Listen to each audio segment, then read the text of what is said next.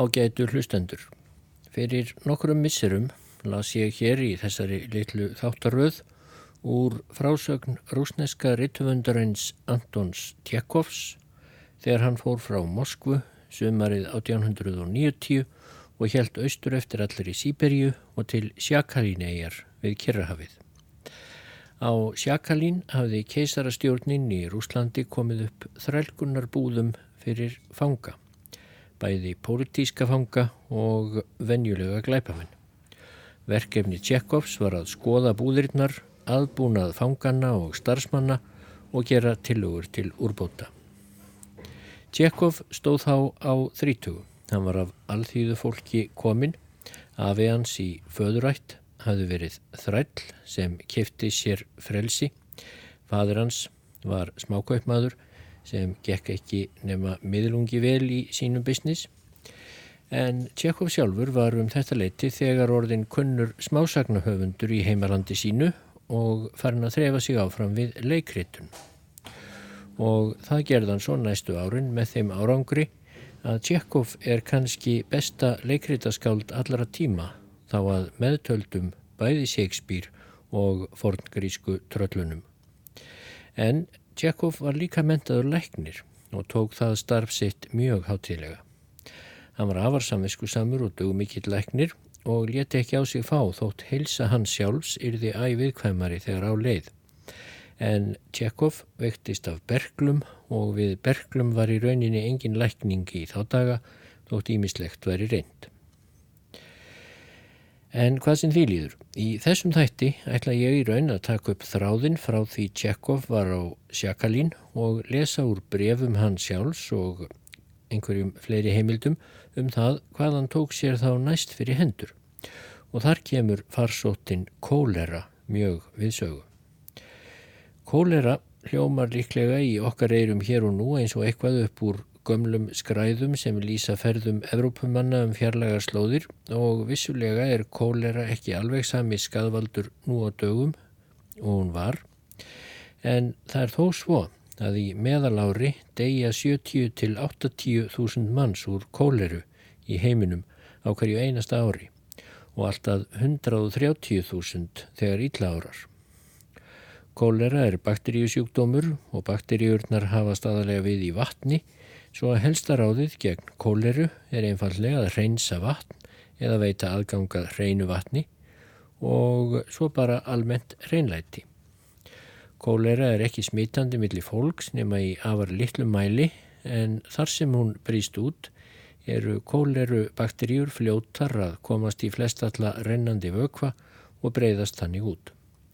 Aðal enginni kóleru er mjög alvarlegur niðurgangur Fólk getur mist millir 10 og 20 lítra af vökva með þeim hætti á hverjum einasta sólarhingi í, alvar, í alvarlegum tilfellum og segir sig sjálft að svo mikið vastap getur haft hróðalegar afliðingar ef ekkert er að gert. En strax úr Tjekov lagði úr höfn á Sjakalíneiu en hann ætlaði að fara Siglandi suður fyrir Asíu um Súeskurð og síðan norður eftir Evrópuströndum til Rúslands í stað þess að endur taka erfitt ferðalagi yfir Sýberíu þver og endilanga. Strax og hann lagði úr höfn, þá skaut kóleran upp kollinum. Hann skrifaði vinni sínum Alexei Suvorín frá skipinu. Guðskipið Baikal 11. september 1890. Heill og sæl. Ég er að sigla eftir Tataraflóa frá norður hluta Sjakalín og vonandi fáum við að leggja af stað söður sem fyrst. Ég sitt við skriftir en veit ekki hvernig þetta bref mun berast þér. Ég er búin að vera tvo mánuði á norður hluta Sjakalín. Mér var ágætlega tekið af ennbættismönnum en Galkín landstjóri keisarans reyfði þó korki höndni að fót mér til hjálpar. Heldur ekki barónessan Vaff nýja nokkur þeirra andans manna sem ég var nógu vittlaust til að vænta mér hjálpar frá við rannsóknir mínar og aðtuganir.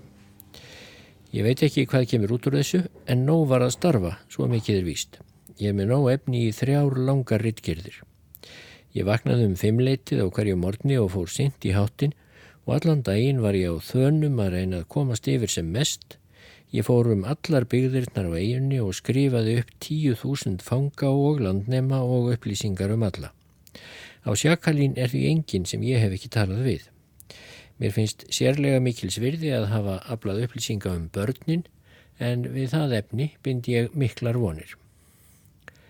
En þó er það nú svo að núna þegar ég er komin frá fangaegjunni þá óttast ég mest að ég hafi vissulega séð allt en samt ekki tekið eftir fílunum. Mér líður vel, þótt ég sjáu hinn grænu augu kólerunar nú góna á mig úr öllum áttum og reyna að leggja snörur sínar fyrir mig. Í Vladivostok, í Japan, í Shanghai, í Chifu, í Suez, já, ég vil á tunglinu, allstaðar held ég sé kólera, allstaðar sótt kví og skjelvingar. Það er búist við kóleru á hverri stundu til sjakalín og öll skip eru sett í sótkví. Þetta lítur illa út. Evrópabúar hrinja niður. Réttæpum þreymur mánuðum eftir að hann skrifaði þetta bref eða 9. desember 1890 þá var Tjekov loks komin á leiðarenda í Moskvu þar sem hann var þá búsettur og þá skrifaði hann súvorín aftur Súrin var bladaútgifandi og hafði sagt frá ferðalagi Tjekovs til Sjakalín í bladi sínu. Tjekov skrifaði honum Hurra, nú er ég loksins sestur við borðið heima. Ég beigð til minna lúnu húsguða og sest við að skrifa þér. Nú líður mér eins og ég hafi bara alls ekkert farið að heiman. Ég er hress og frískur alveg inn í bein. Hér kemur stuttorð skýrsla. Ég var á sjakalín ekki í tvo mánuði eins og þú skrifaðir heldur alls í þrjá mánuði og tvo daga. Ég lagði virkilega hartað mér. Ég gerði nákvæmt og fullnægjandi manntal á öllum íbúum á sjakalín og sá allt sem þar fór fram nema döðarefsingu. Þegar við hittumst skal ég sína þér heila kistufylli af alls konar plöggum um fangana sem verður mér mjög mikils virði sem ráefni. Ég veit nú heil ósköp en snýri þó tilbaka með heldur ónótalega tilfinningu. Meðan ég var á sjakalín var í mér einhver biturleg tilfinning eins og ég væri með þrátt smjör í yðrum mér en nú þegar ég rifi upp dölina þá finnst mér sjakalín hafa verið reynasta helvíti. Í tvo mánuði vann ég af kappi en þriðja mánuðin var úr mér allur máttur út af þessum biturleika, þessu þráa smjöri og líka út, út af einskjærum leiðindum og loks út af óta við að kóleran kemi frá Vladivostok til Sjakalín en ef það hefði gerst hefði ég orðið að vera í sóttkví allan veturinn í þessari ömurlegu fanganílendu. En Guðsílof kóleran let undan síga og þann 13. oktober síldi gufiskipið með mig endanlega burt frá Sjakalín. Við komum við í okkar rómuðu hafnarborg við Kjerrahafströndina, Vladivostok og um hana og prímorski héradið þar í kring og alla austurströnd okkar með flótum sínum, vandamálum og draumórum um Kjerrahafið. Um allt þetta hef ég bara eitt orð, fátækt ömurleg fátækt, fáviska og virðingarleysi. Maður fyllist satt að segja örvæntingu. Þannig er einn heiðarlegur maður á móti 99 þjófum sem sverta orðspor Rúslands. Við sleftum því að hafa viðdvöl í Japan því þangað er kóleran kominn og ég er þess vegna ekki með neitt frá Japan handaðir og þessar 500 rúblur sem þú lést mig hafa til að kaupa eitthvað japanst fyrir Það er notað ég bara í eigin þáu og þú hefur þá fullan lagarlegan rétt til að láta stinga mér einhver staðar í steinin til dæmis á sjakalín. Fyrsta höfnin þar sem við stoppuðum var Hong Kong. Það er ægifagur flói. Trafíkin á flóanum var svo mikil að ég hef ekki séð hann aðeins, ekki einu sinna á myndum og upp á landi voru fínir vegir, sporvagnar, játbröytarlest upp í fjöllin, náttúrugripasafn og grasakarður. Hvert sem maður lítur sér maður merki um umhyggjuna sem englendingar bera fyrir þeim mönnum sem í þeirra þjónustu veru. Þannig er meira að segja dáendis klúpur fyrir sjómennina. Ég fórum allt í léttivagni sem dregin var af mönnum, kefti alls konar kynverst drastl og móðgæðist svo litið þegar ég heyrði rúsneska ferðafélaga mína skammast út í englendinga fyrir að arðræna hérna innfættu. Ég hugsaði þá, jú, englendingar arðræna vissulega kynverja, indverja og hindúa, en þeir þó, þeir sjá þeim þó fyrir vegum, vassveitu, söpnum, kristindómi, en hvað hafi þið upp á það bjóða? Þegar við fórum svo frá Hong Kong fór skipið að steita stömpum. Guðvudallurinn var næri tómur og veldist því í öldunum upp á 38 gráður svo við heldum að honum myndi kvolva. Mér hættir greinilega ekki við sjóveiki, það var mjög ánægilegt að komast að því. Á leiðinni til Singapúr þurftum við að henda tveimur líkum í sjóin. Þegar maður sér dáin mann saumaðin inn í segldúk fljúa frá borði og veltast svo velkjast í sjávarborðinu og mann allt í einu að það eru margir kílometrar niður á sjávarbotnin, þá fyllist maður óta og verður af einhverjum ástæðum sannfærður um að maður sjálfur muni brátt deyja og vera kastað í sjóin. Hyrndu nautgripirnir sem voru eini farmurinn í lestinni vektust af einhverju óþektri nautapest. Sameinlegur úrskurður skipslæknisins og yðar einlegs var sá að þeim yrði ekki bjargað svo nautin voru drepin og kastaði sjóin. Ég hef nánast engar minningar frá Singapúr því af einhverjum ástæðum var ég svo dapur þegar ég óg þar um göttur að ég var gráti nær allan tíman og flýtti mér að reyna að gleima Singapúr. Næst fórum við til Ceylon, Sri Lanka og það er paradís á jörð. Í þeirri paradís tók ég mér far með hjáttbraut landin í land og horfið þar á pálmaskóa og bronslitar konur eins og hugurinn gyrnist. Frá Ceylon sildum við í 13 daga á nætur án viðkomu nokkur staðar og vorum að ganga vitinu af leiðindum. Ég þóldi hítan reyndar ákjallega. Rauðahafið var dapurlegt en ég var djúft snortin þegar ég horfi á sína í fjall. Veröld Guðs er góður staður. Það eina sem er ekki gott er um við. Ókveð lítið réttlæti og auðmygt býr í okkur. Hveð illa við skiljum til dæmis sanna föðurlandsást. Dauða drukkin og nýður brotinn og hraksmánarlegur eiginmaður Hann elskar kannski konu sína og börn en að hvaða gagni kemur svo ást. Við elskum okkar mikla móðurland, það segja blöðin okkur, en hvernig byrtist svo ást? Í staðin fyrir þekkingu leggjum við stund á ósvýpni og ósegjanlegar blekkingar. Í stað vinnusemi erum við letihaugar og svín. Hvergi er að sjá réttlæti, heiður merkir ekki annað nú til dags en enkennisbúning, enkennisbúning sem þó prýðir svo oft fangana í réttarsölum okkar. Vinna er það sem vantar og annað getur farið til anskotans. Umfram allt verðum við að temja okkur réttlæti og réttsíni, þá mun allt annað veitast okkur. Ferðalag Tjekovs vakti þó nokkra aðtikla á honum, ekki síst eftir að hann fór að byrta sitt á hverju um aðstæður þarna í austrinu. Sumir fögnuðu þeirri umbóta viðleitni sem framkom hjá unga lækninum.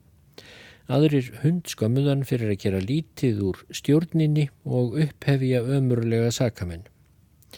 Hann fór í ferðalagum um Evrópu, reyfst af sömu, öðru ekki.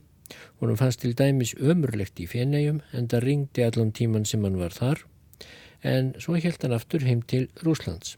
Hann var þá áfram að vinna að útgáfu á gögnum sínum frá Sjakalín en einbytti sér þó enn frekar að skáldskap en það var hann ástríðufullur listamaður mjög og fannst í rauninni flestar stundir ónýtar sem hann gæti ekki setið við skriftir nema þá þegar skildan við læknistörfin kallaði. Snemma árs 1892 rúmu ári eftir að hann kom frá Sjakalín þá sá hann auglýsingu í bladi um að til sölu væri lítið sveitasettur í þorpinu Melíkovo sem er um það byl 70 km söður af Moskvu. Hann raug til og kefti það á þess að hafa einu sinni komið á staðin. Fyrrum á tímum bænda ánauðarinnar höfðu svona settur verið bústaðir herragarðseigenda og landeigenda sem áttubinlínis sálir bændafólksins. En nú var búið að afnema þræla haldið þannig að bændurinnir í kringum setrin getur nú leiguliðar en ekki þrælar. En að öðru leiti var kannski ekki mikið breytt. Tjekov var sem eiganda setursins ætlað fórustu hlutverk í sveitinni bæði í Melikovo þar sem byggu 300 manns og í 25 smáþorpum þar í kring. Setriðans var reyndar ekki neinn merkileg höll, þetta var bara hús á einni hæð, nokkur herbergi og allt orðið heldur hrörlegt. En þangað fluttan vorið 1892 á samt foreldurum sínum, sistur og stundum bjó bróður hans þar líka. Þau brutust strax frá Moskvu til Melikovo og þegar búið var að ganga frá kaupunum þá var ennþá allt undir snjó og heldur ráslagalegt um að litast. En hafi Tjakov orði fyrir vonbrygðum með sveitasetrið sitt þá leta hann það aldrei í ljósi. Þvert á móti nautan þess að horfa á náttúruna vakna þegar vorið tók smátt og smátt völdin Sumi lýsir hann í brefum til vina sinna, öðru laumaði hann að í smásögum og jafnvel leikritum þegar hann fór að skrifa þau af kappi. Það hyllaði flest hinn nýja landeganda. Hann plantaði trjám og naut þess að hyrðum þau. Hann kom sér upp kirsuberjagarði. Sistir hans bjóð til blómabeð kringum húsið. Bróður hans puðaði á ökrunum þar sem hann og bændurnir ræktuð ekki síst rúg. Tjekov vaknaði fyrir allar aldir, fór út í gardinn og skoðaði júrtinnar sínar, blóm og tré og svo þegar hann var búin að annast um þetta allt og stinga niður fleiri júrtum, þá fór hann inn að skrifa og skrifaði af kappi til hádegis. Hádegisverðar borðið var sneisafullt af júrtum og marmelaði og alls konar plöntum sem ræktaður voru á svæðinu. Yfirleitt voru gestir Þótt plássið var ekki sérlega mikið en eftir hátegi lokaði Tjekov sig inn í herbergi. Það hétt að hann væri að lesa en hann var nú bara að leggja sig eins og menn gera. Svo held hann áfram að skrifa þar til setnipartin. Ef hann þurfti ekki að fara í sjúkravitjun, kvöldin voru svo yfirleitt róleg, unað við spjall en einhver staðar afsýðis sönglaði yfirleitt fadir hans, bænir og trúarsöngva. Hann var afar trúaður sá gamli Tjekov þótt ekki hafi Anton erftað frá honum. Og, en svo voru það sjúklingarnir. Þeir komu hvaðan æfa að af stóru svæði, gangandi eða akandi í vögnum og auk þess var oft óskað eftir því að læknirinn kemi á fund sjúklingarna. Stundum þegar hann kom út á mótnana eftir að hafa drukkið kaffibotlan sinn um fimm leitið Þá reyndust sitja hlédrægar bændakonur undir húsvegg og býða kurtislega eftir lækninum, kannski með börnin sín lasin. Hann syndi öllum af kostgefni, alúð og hlýju. Aldrei létt Tjekov á sér finna minnstu óþólinnmæði, en þó kemur oft fram í brefumans hver honum fannst sárt að geta ekki helgað skriftunum allan sinn tíma. Sérstaklega fannst honum oft erfitt að þurfa að fara í sjúkravitjanir kannski 20 kílometra í burtu og hristast í vagnni á hólóttum vegarslóðum í stað þess að sitja við borð með penna og búa til ódöðlegan texta, ódöðlegar personur, ódöðlegar sögur. Þó vissan auðvitað líka að allir þeir sjúklingar sem hann syndi og allt það fólk sem hann hitti í sjúkravitjunum og þessum ferðum Það fólk varð honum uppspretta óteljandi persóna í sögum og leikritum. En þetta voru vissilega erfið ferðalög, ekki síst á vorin þegar fór að hlána og vegarslóðarnir urðu eitt drullu stykki. Þegar Tjekov kom fyrst til Melikovu á útumánuðum 1892 þá reyndust aðeins vera þrýr hestar á setrinu og þeir ekki glæsilegir. Þetta voru horgrindar byggjur og ekkert hei til handa þeim. Tjekkofjölskyldan varð að gefa hestunum þær tæjur af rúgi sem til voru þanga til gróðurinn fóru að spretta. Eitt hrossið var svo illa lind og geðstyrt að það var óbrúklegt með öllu, öðru var fljótlega stólið og dauður hestur skilin eftir í haganum í þestað. Það var bara eftir einn gömul byggja sem þau kölluðu af einhverjum ástæðum önnu Petrófnu og þótt Anna Petrovna væri búin að glata hverjum votti af fjöri úr skroknum þá sátu þau uppi með hana og Anna Petrovna röldi í hægðum sínum með Tjekov lækni í sjúkravitjanir í nálæg þorp, dróað eldi við þegar hún endi og átu upp það litla sem til var af kveiti á heimilinu. Þetta voru erfiðir tímar. Hungursneið hafði nýlega gengið yfir og hvarvetna sáust ummerki þessi í þorpunum og sveitunum sem Tjekov bara allt í einu ábyrð á, bæði sem landeigandi og læknir. Fólkið var niðurbrotið, döft og lúið. Tjekov lætur þess oft getið hvað honum blöskraði þýlindið og íhaldsemin í bændafólkinu.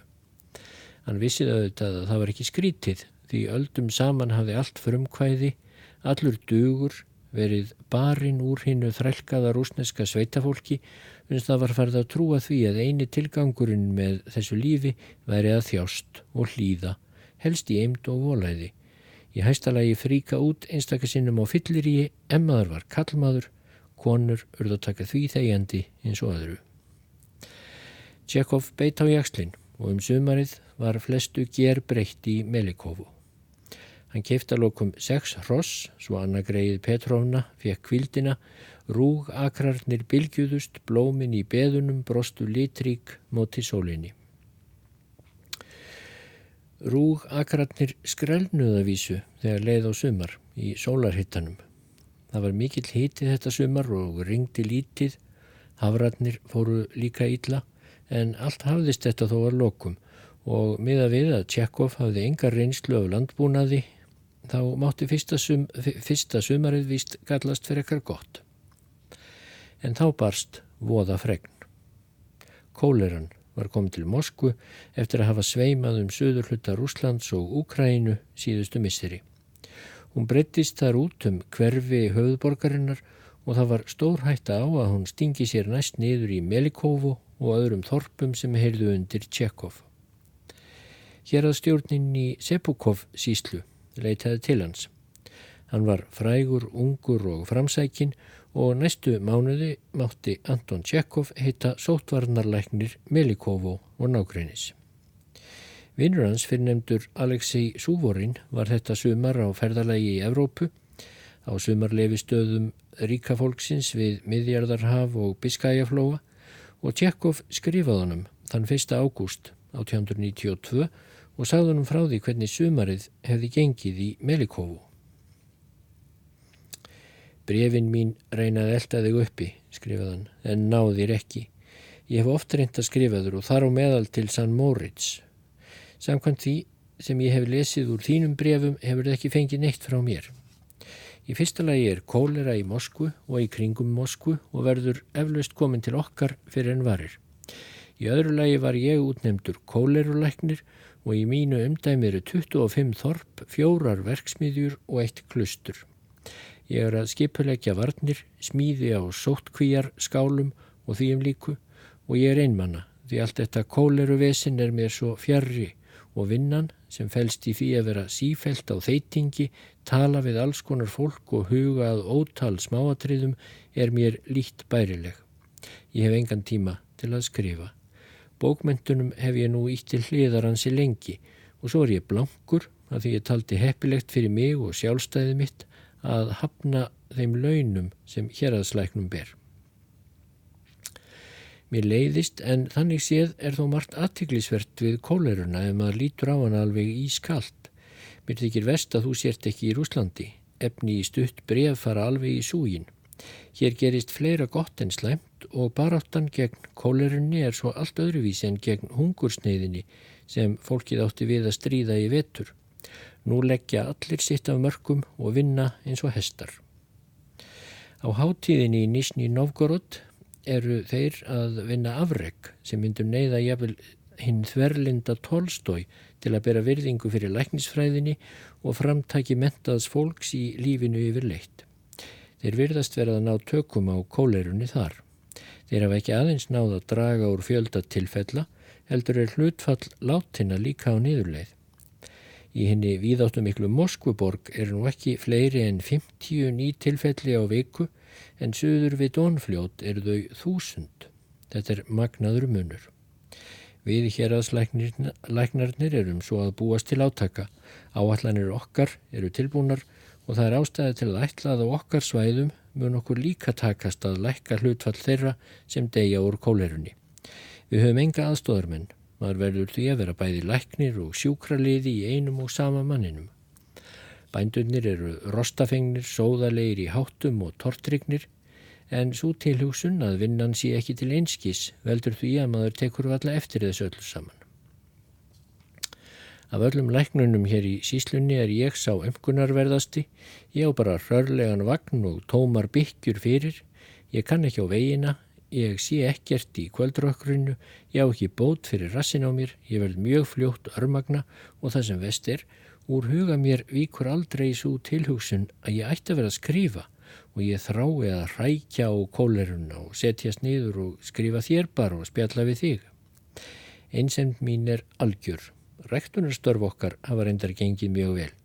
Uppskeran er alveg príðileg og þegar við seljum kornið þá mun Melikófó fær okkur meira en þúsund rublur.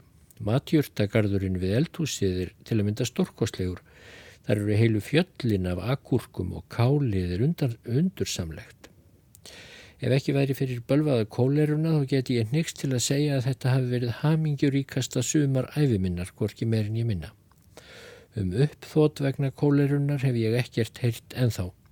Það er talað um að einhverjir hafi verið handteknir, stefnusgrár hafi verið gefnar út og svo framvegis. Þeir segja líka að rittuundurinn A hafi verið dæmdur til 15 ára þrælkunarvinnu. Ef sósialistarnir ætla virkilega að reyna að hagnýta sér kóleruna í eigin baráttu þá mun ég fyrirlýta þá. Andstikileg meður að góðum tilgangi gerir tilgangin sjálfan andstikilegan. Þeir mega svo sem reyna að komast að áleiðis á bakinu á læknum og hjókunarfólki en akkur er að ljúa að bændunum.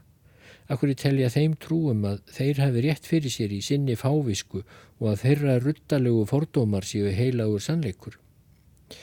Ef ég væri stjórnmálumadur get ég ekki hugsað mér að útbýja nútíð mína í vonum glæsta framtíð. Jafnvel þótt mér væri heitið endalauðstri hamingju fyrir eina skeið af ömri lígi.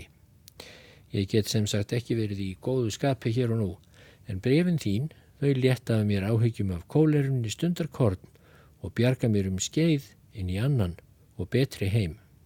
Вдоль обрыва, понад пропастью, по самому, по краю, я коней своих нагайкою стигаю, Погоняю, что-то воздуху мне мало, ветер пью, туман глотаю, чую с гибельным восторгом, пропадаю, пропадаю, чуть помедленнее кони, чуть помедленнее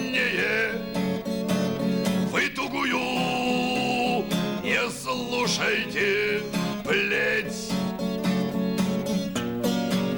Но что-то конни мне попались, привередливые, и дожить не успел.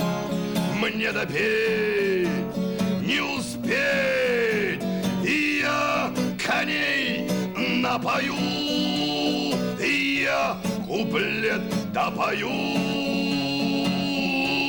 Хоть мгновенье еще постою на краю.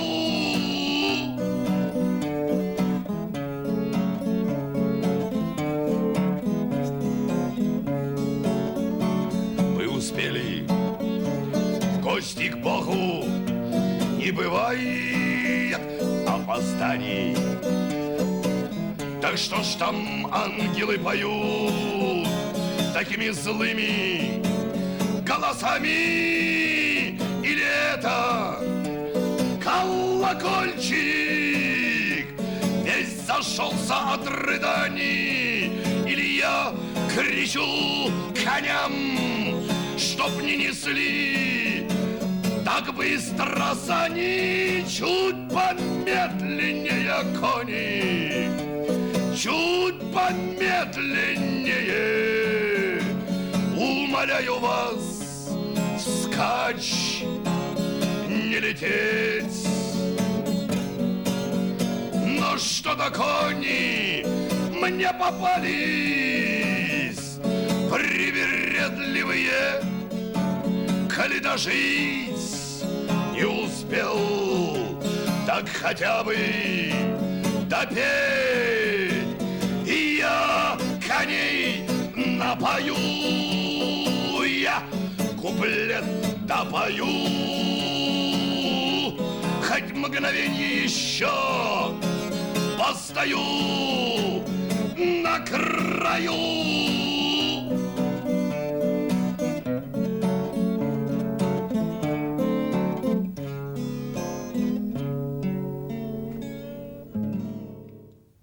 Um það byl tveimur vikum eftir að hafa skrifað brefið sem ég las úr áðan, þá skrifaði Tjekov annað bref til Súvorins vinnarsins.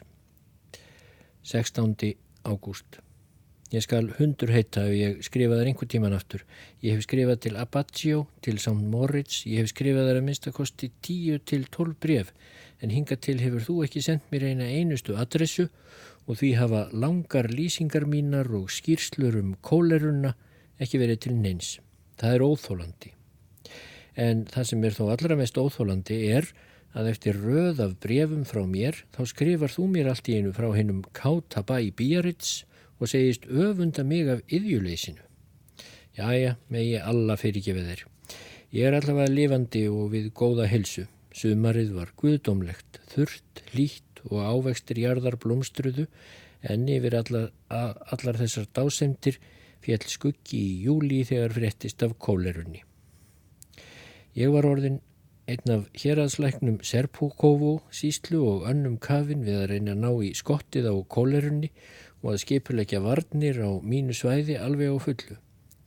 Á modnana þarf ég að taka múti sjúklingum en síðdeis er ég á stöðu um þeitingi. Ég ekum í vagnarróinu mínu, messa yfir hennum innfættu, hjúkraðim, verð ösku vondur út í þá og þar sem héraðstjórnin hefur ekki útlutað mér svo mikið sem einum kópeka til að skipuleggja og reysa sjúkrastöðvarnar, þá reynir ég að krýja ofurlítið út úr ríkuköllunum á svæðinu, hverjum af öðrum. Í ljós er komið að ég er fyrirtags betlari og þökk sé nokkuð glæsilegum árangri með betlistafinn þá er þó búið að reysa tvo príðilega skála sem sótt kví á mínusvæði þar sem til þarf og svo fimm skála sem eru nokkuð glæsilegir uh, en uh, duga þó frekvar skamt í næsta héræði. Ég hef þurft að spara hvaðeina fyrir héræðstjórnina með að segja sóttreinsunarefni. Kalk, sulfat og alls konar íllaliktandi ógeð hefur mér tekist að betla út úr framleiðundum fyrir öll mín 25 þorp. Nú er svo komið að sál mín er örmagna og mér leiðist. Mér leiðist að vera ekki sjálfs mín ráðandi að geta ekki hugsað um neitt nema ræpu og nýðurgang, að rökka upp á nóttunni við hundgá og barsmíðar á útidyrnar, þar eru þeir komnir að ná í mig og mér leiðist að aka eftir ókunnum slóðum með ömurlegum byggjum, að lesa ekki um neitt nema kóleru, búast ekki við neinu nema kóleru, en hafa þó á sama tíma ekki minnsta áhuga á kóleru eða því fólki sem maður verður að þjóna. Það er herra minn trúr kássa sem ég get ekki mælt með við neitt.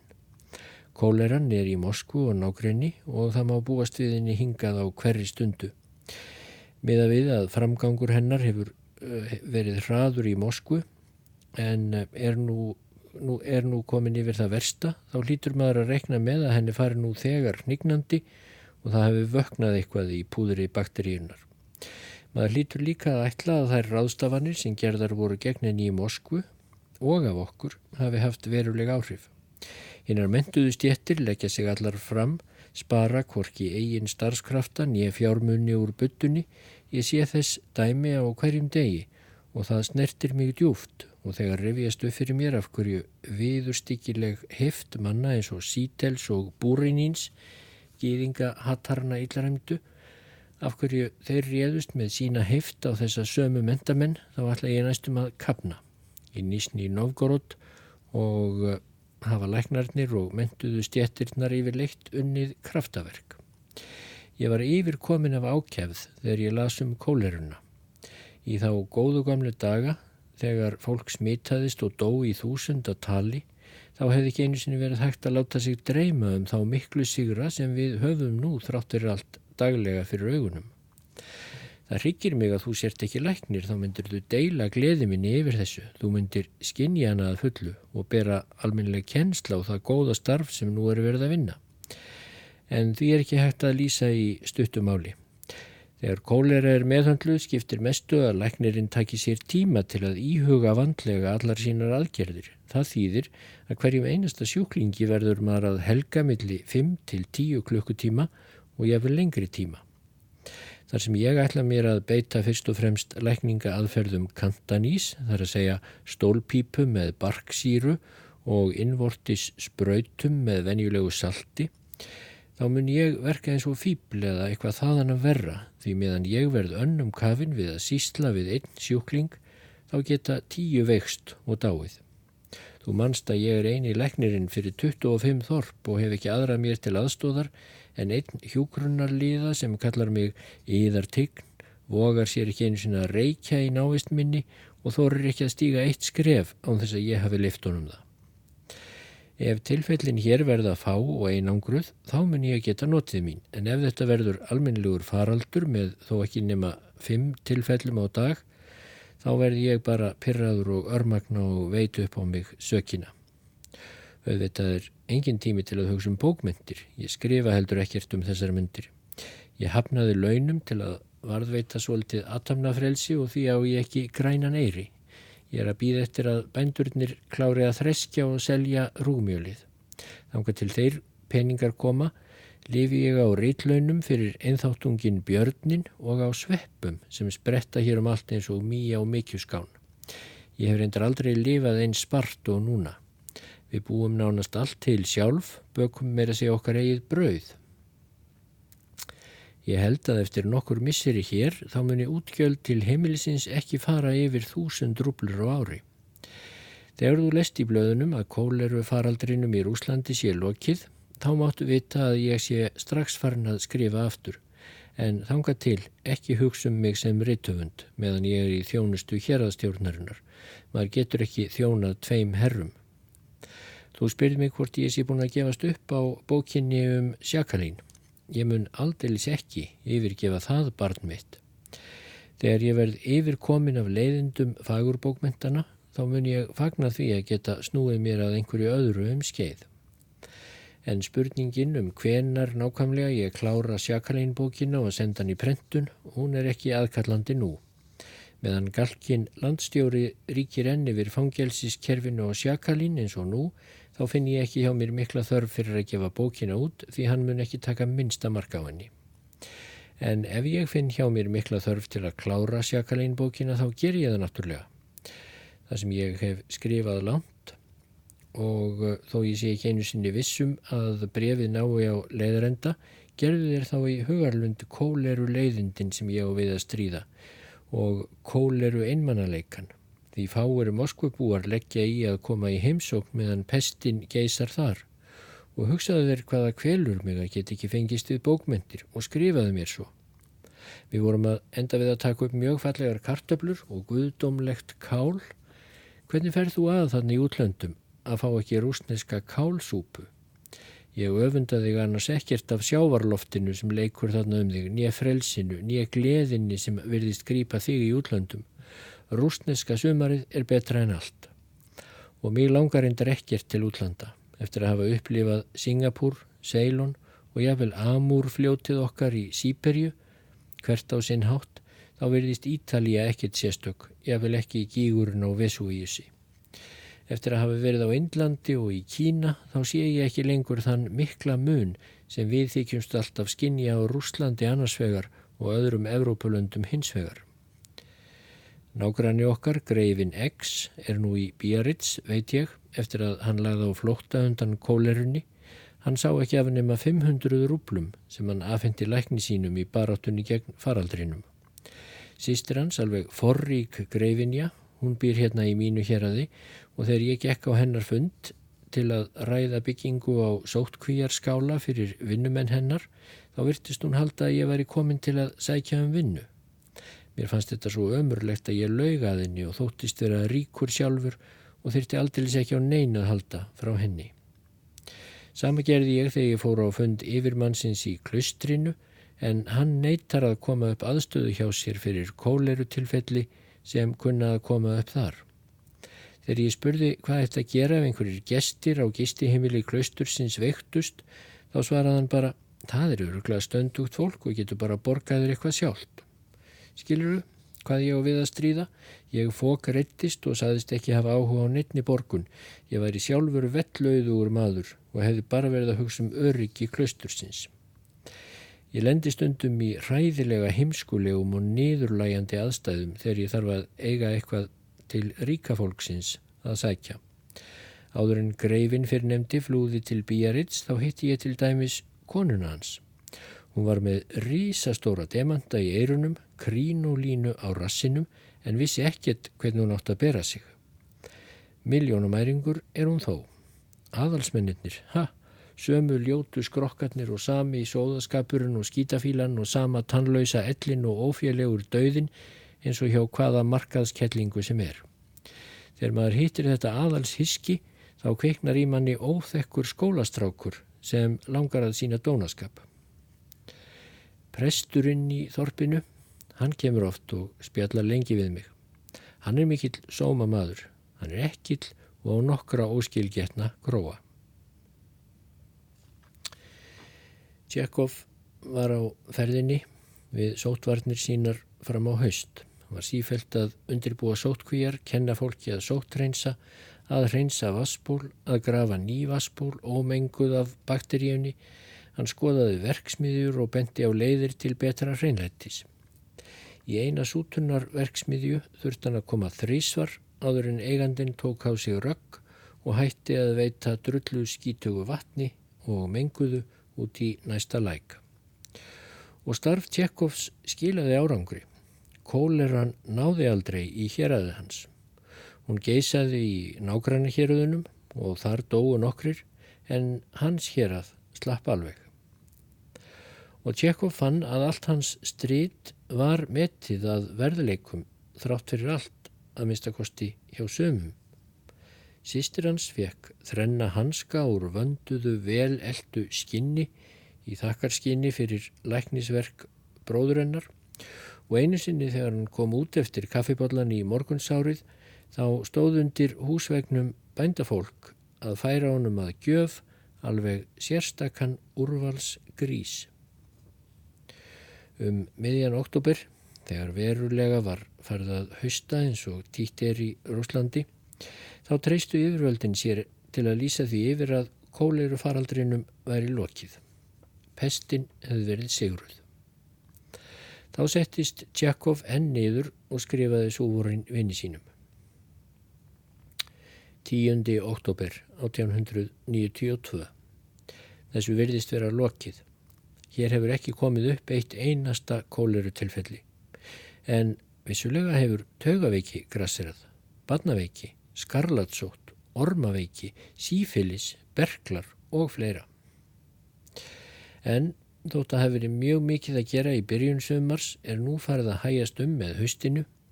Ég hef ekkert getað skrifað út af kólerunni nema tvær stuttar smásögur, önnur er þokkaleg, hins læm. Lífið hefur verið tómt púl í sumar en mér finnst þó eins og ég hafi aldrei varið tíma mínum jafn vel nokkurt einasta sumar sem ég hef lifað eins og þetta. Þrátt fyrir kólerupúlið og þrátt fyrir algjör blankheit sem hafa haldið mér í heljargreipum sér í allt sumar þá hefur mér líka þetta líf og mér hefur langað til að lifa og hversu mörgum trjám hef ég ekki plantað í sumar. Við höfum ræktað svo mikið að Melikóvó er nú óþekkjanlegur staður og virðist nú bæði notalegur og fallegur. Hvort það verður eitthvert gagn af þessum stað fyrir einhvern, það veit ég náttúrulega ekki. En það er gott að vera búin að koma sér upp nýjum vennjum og finnast maður eiga hérna heima og það er vissulega unaðslegt að þurfu ekki að borga leigu. Við höfum eignast nýja kunningja og myndað ný vináttusambönd. Ótti okkar við að horfast í augu við bændastjettina virðist nú fáranlegur. Íbúarnir líta nú á mig sem einn af þeim og gista hjá mér þegar þeir eiga leiðum Melikovu, þeir sem annar staðar búa. Og jú, við erum að grafa tjörn. Eitthvað fleira í fréttum? Já, hinga til hefur allt verið nýtt og spennandi. Hvernig það verður í framtíðinni veit ég ekki.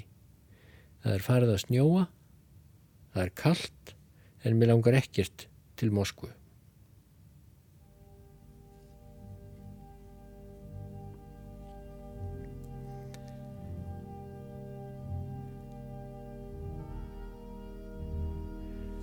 Þættinum er að ljúka.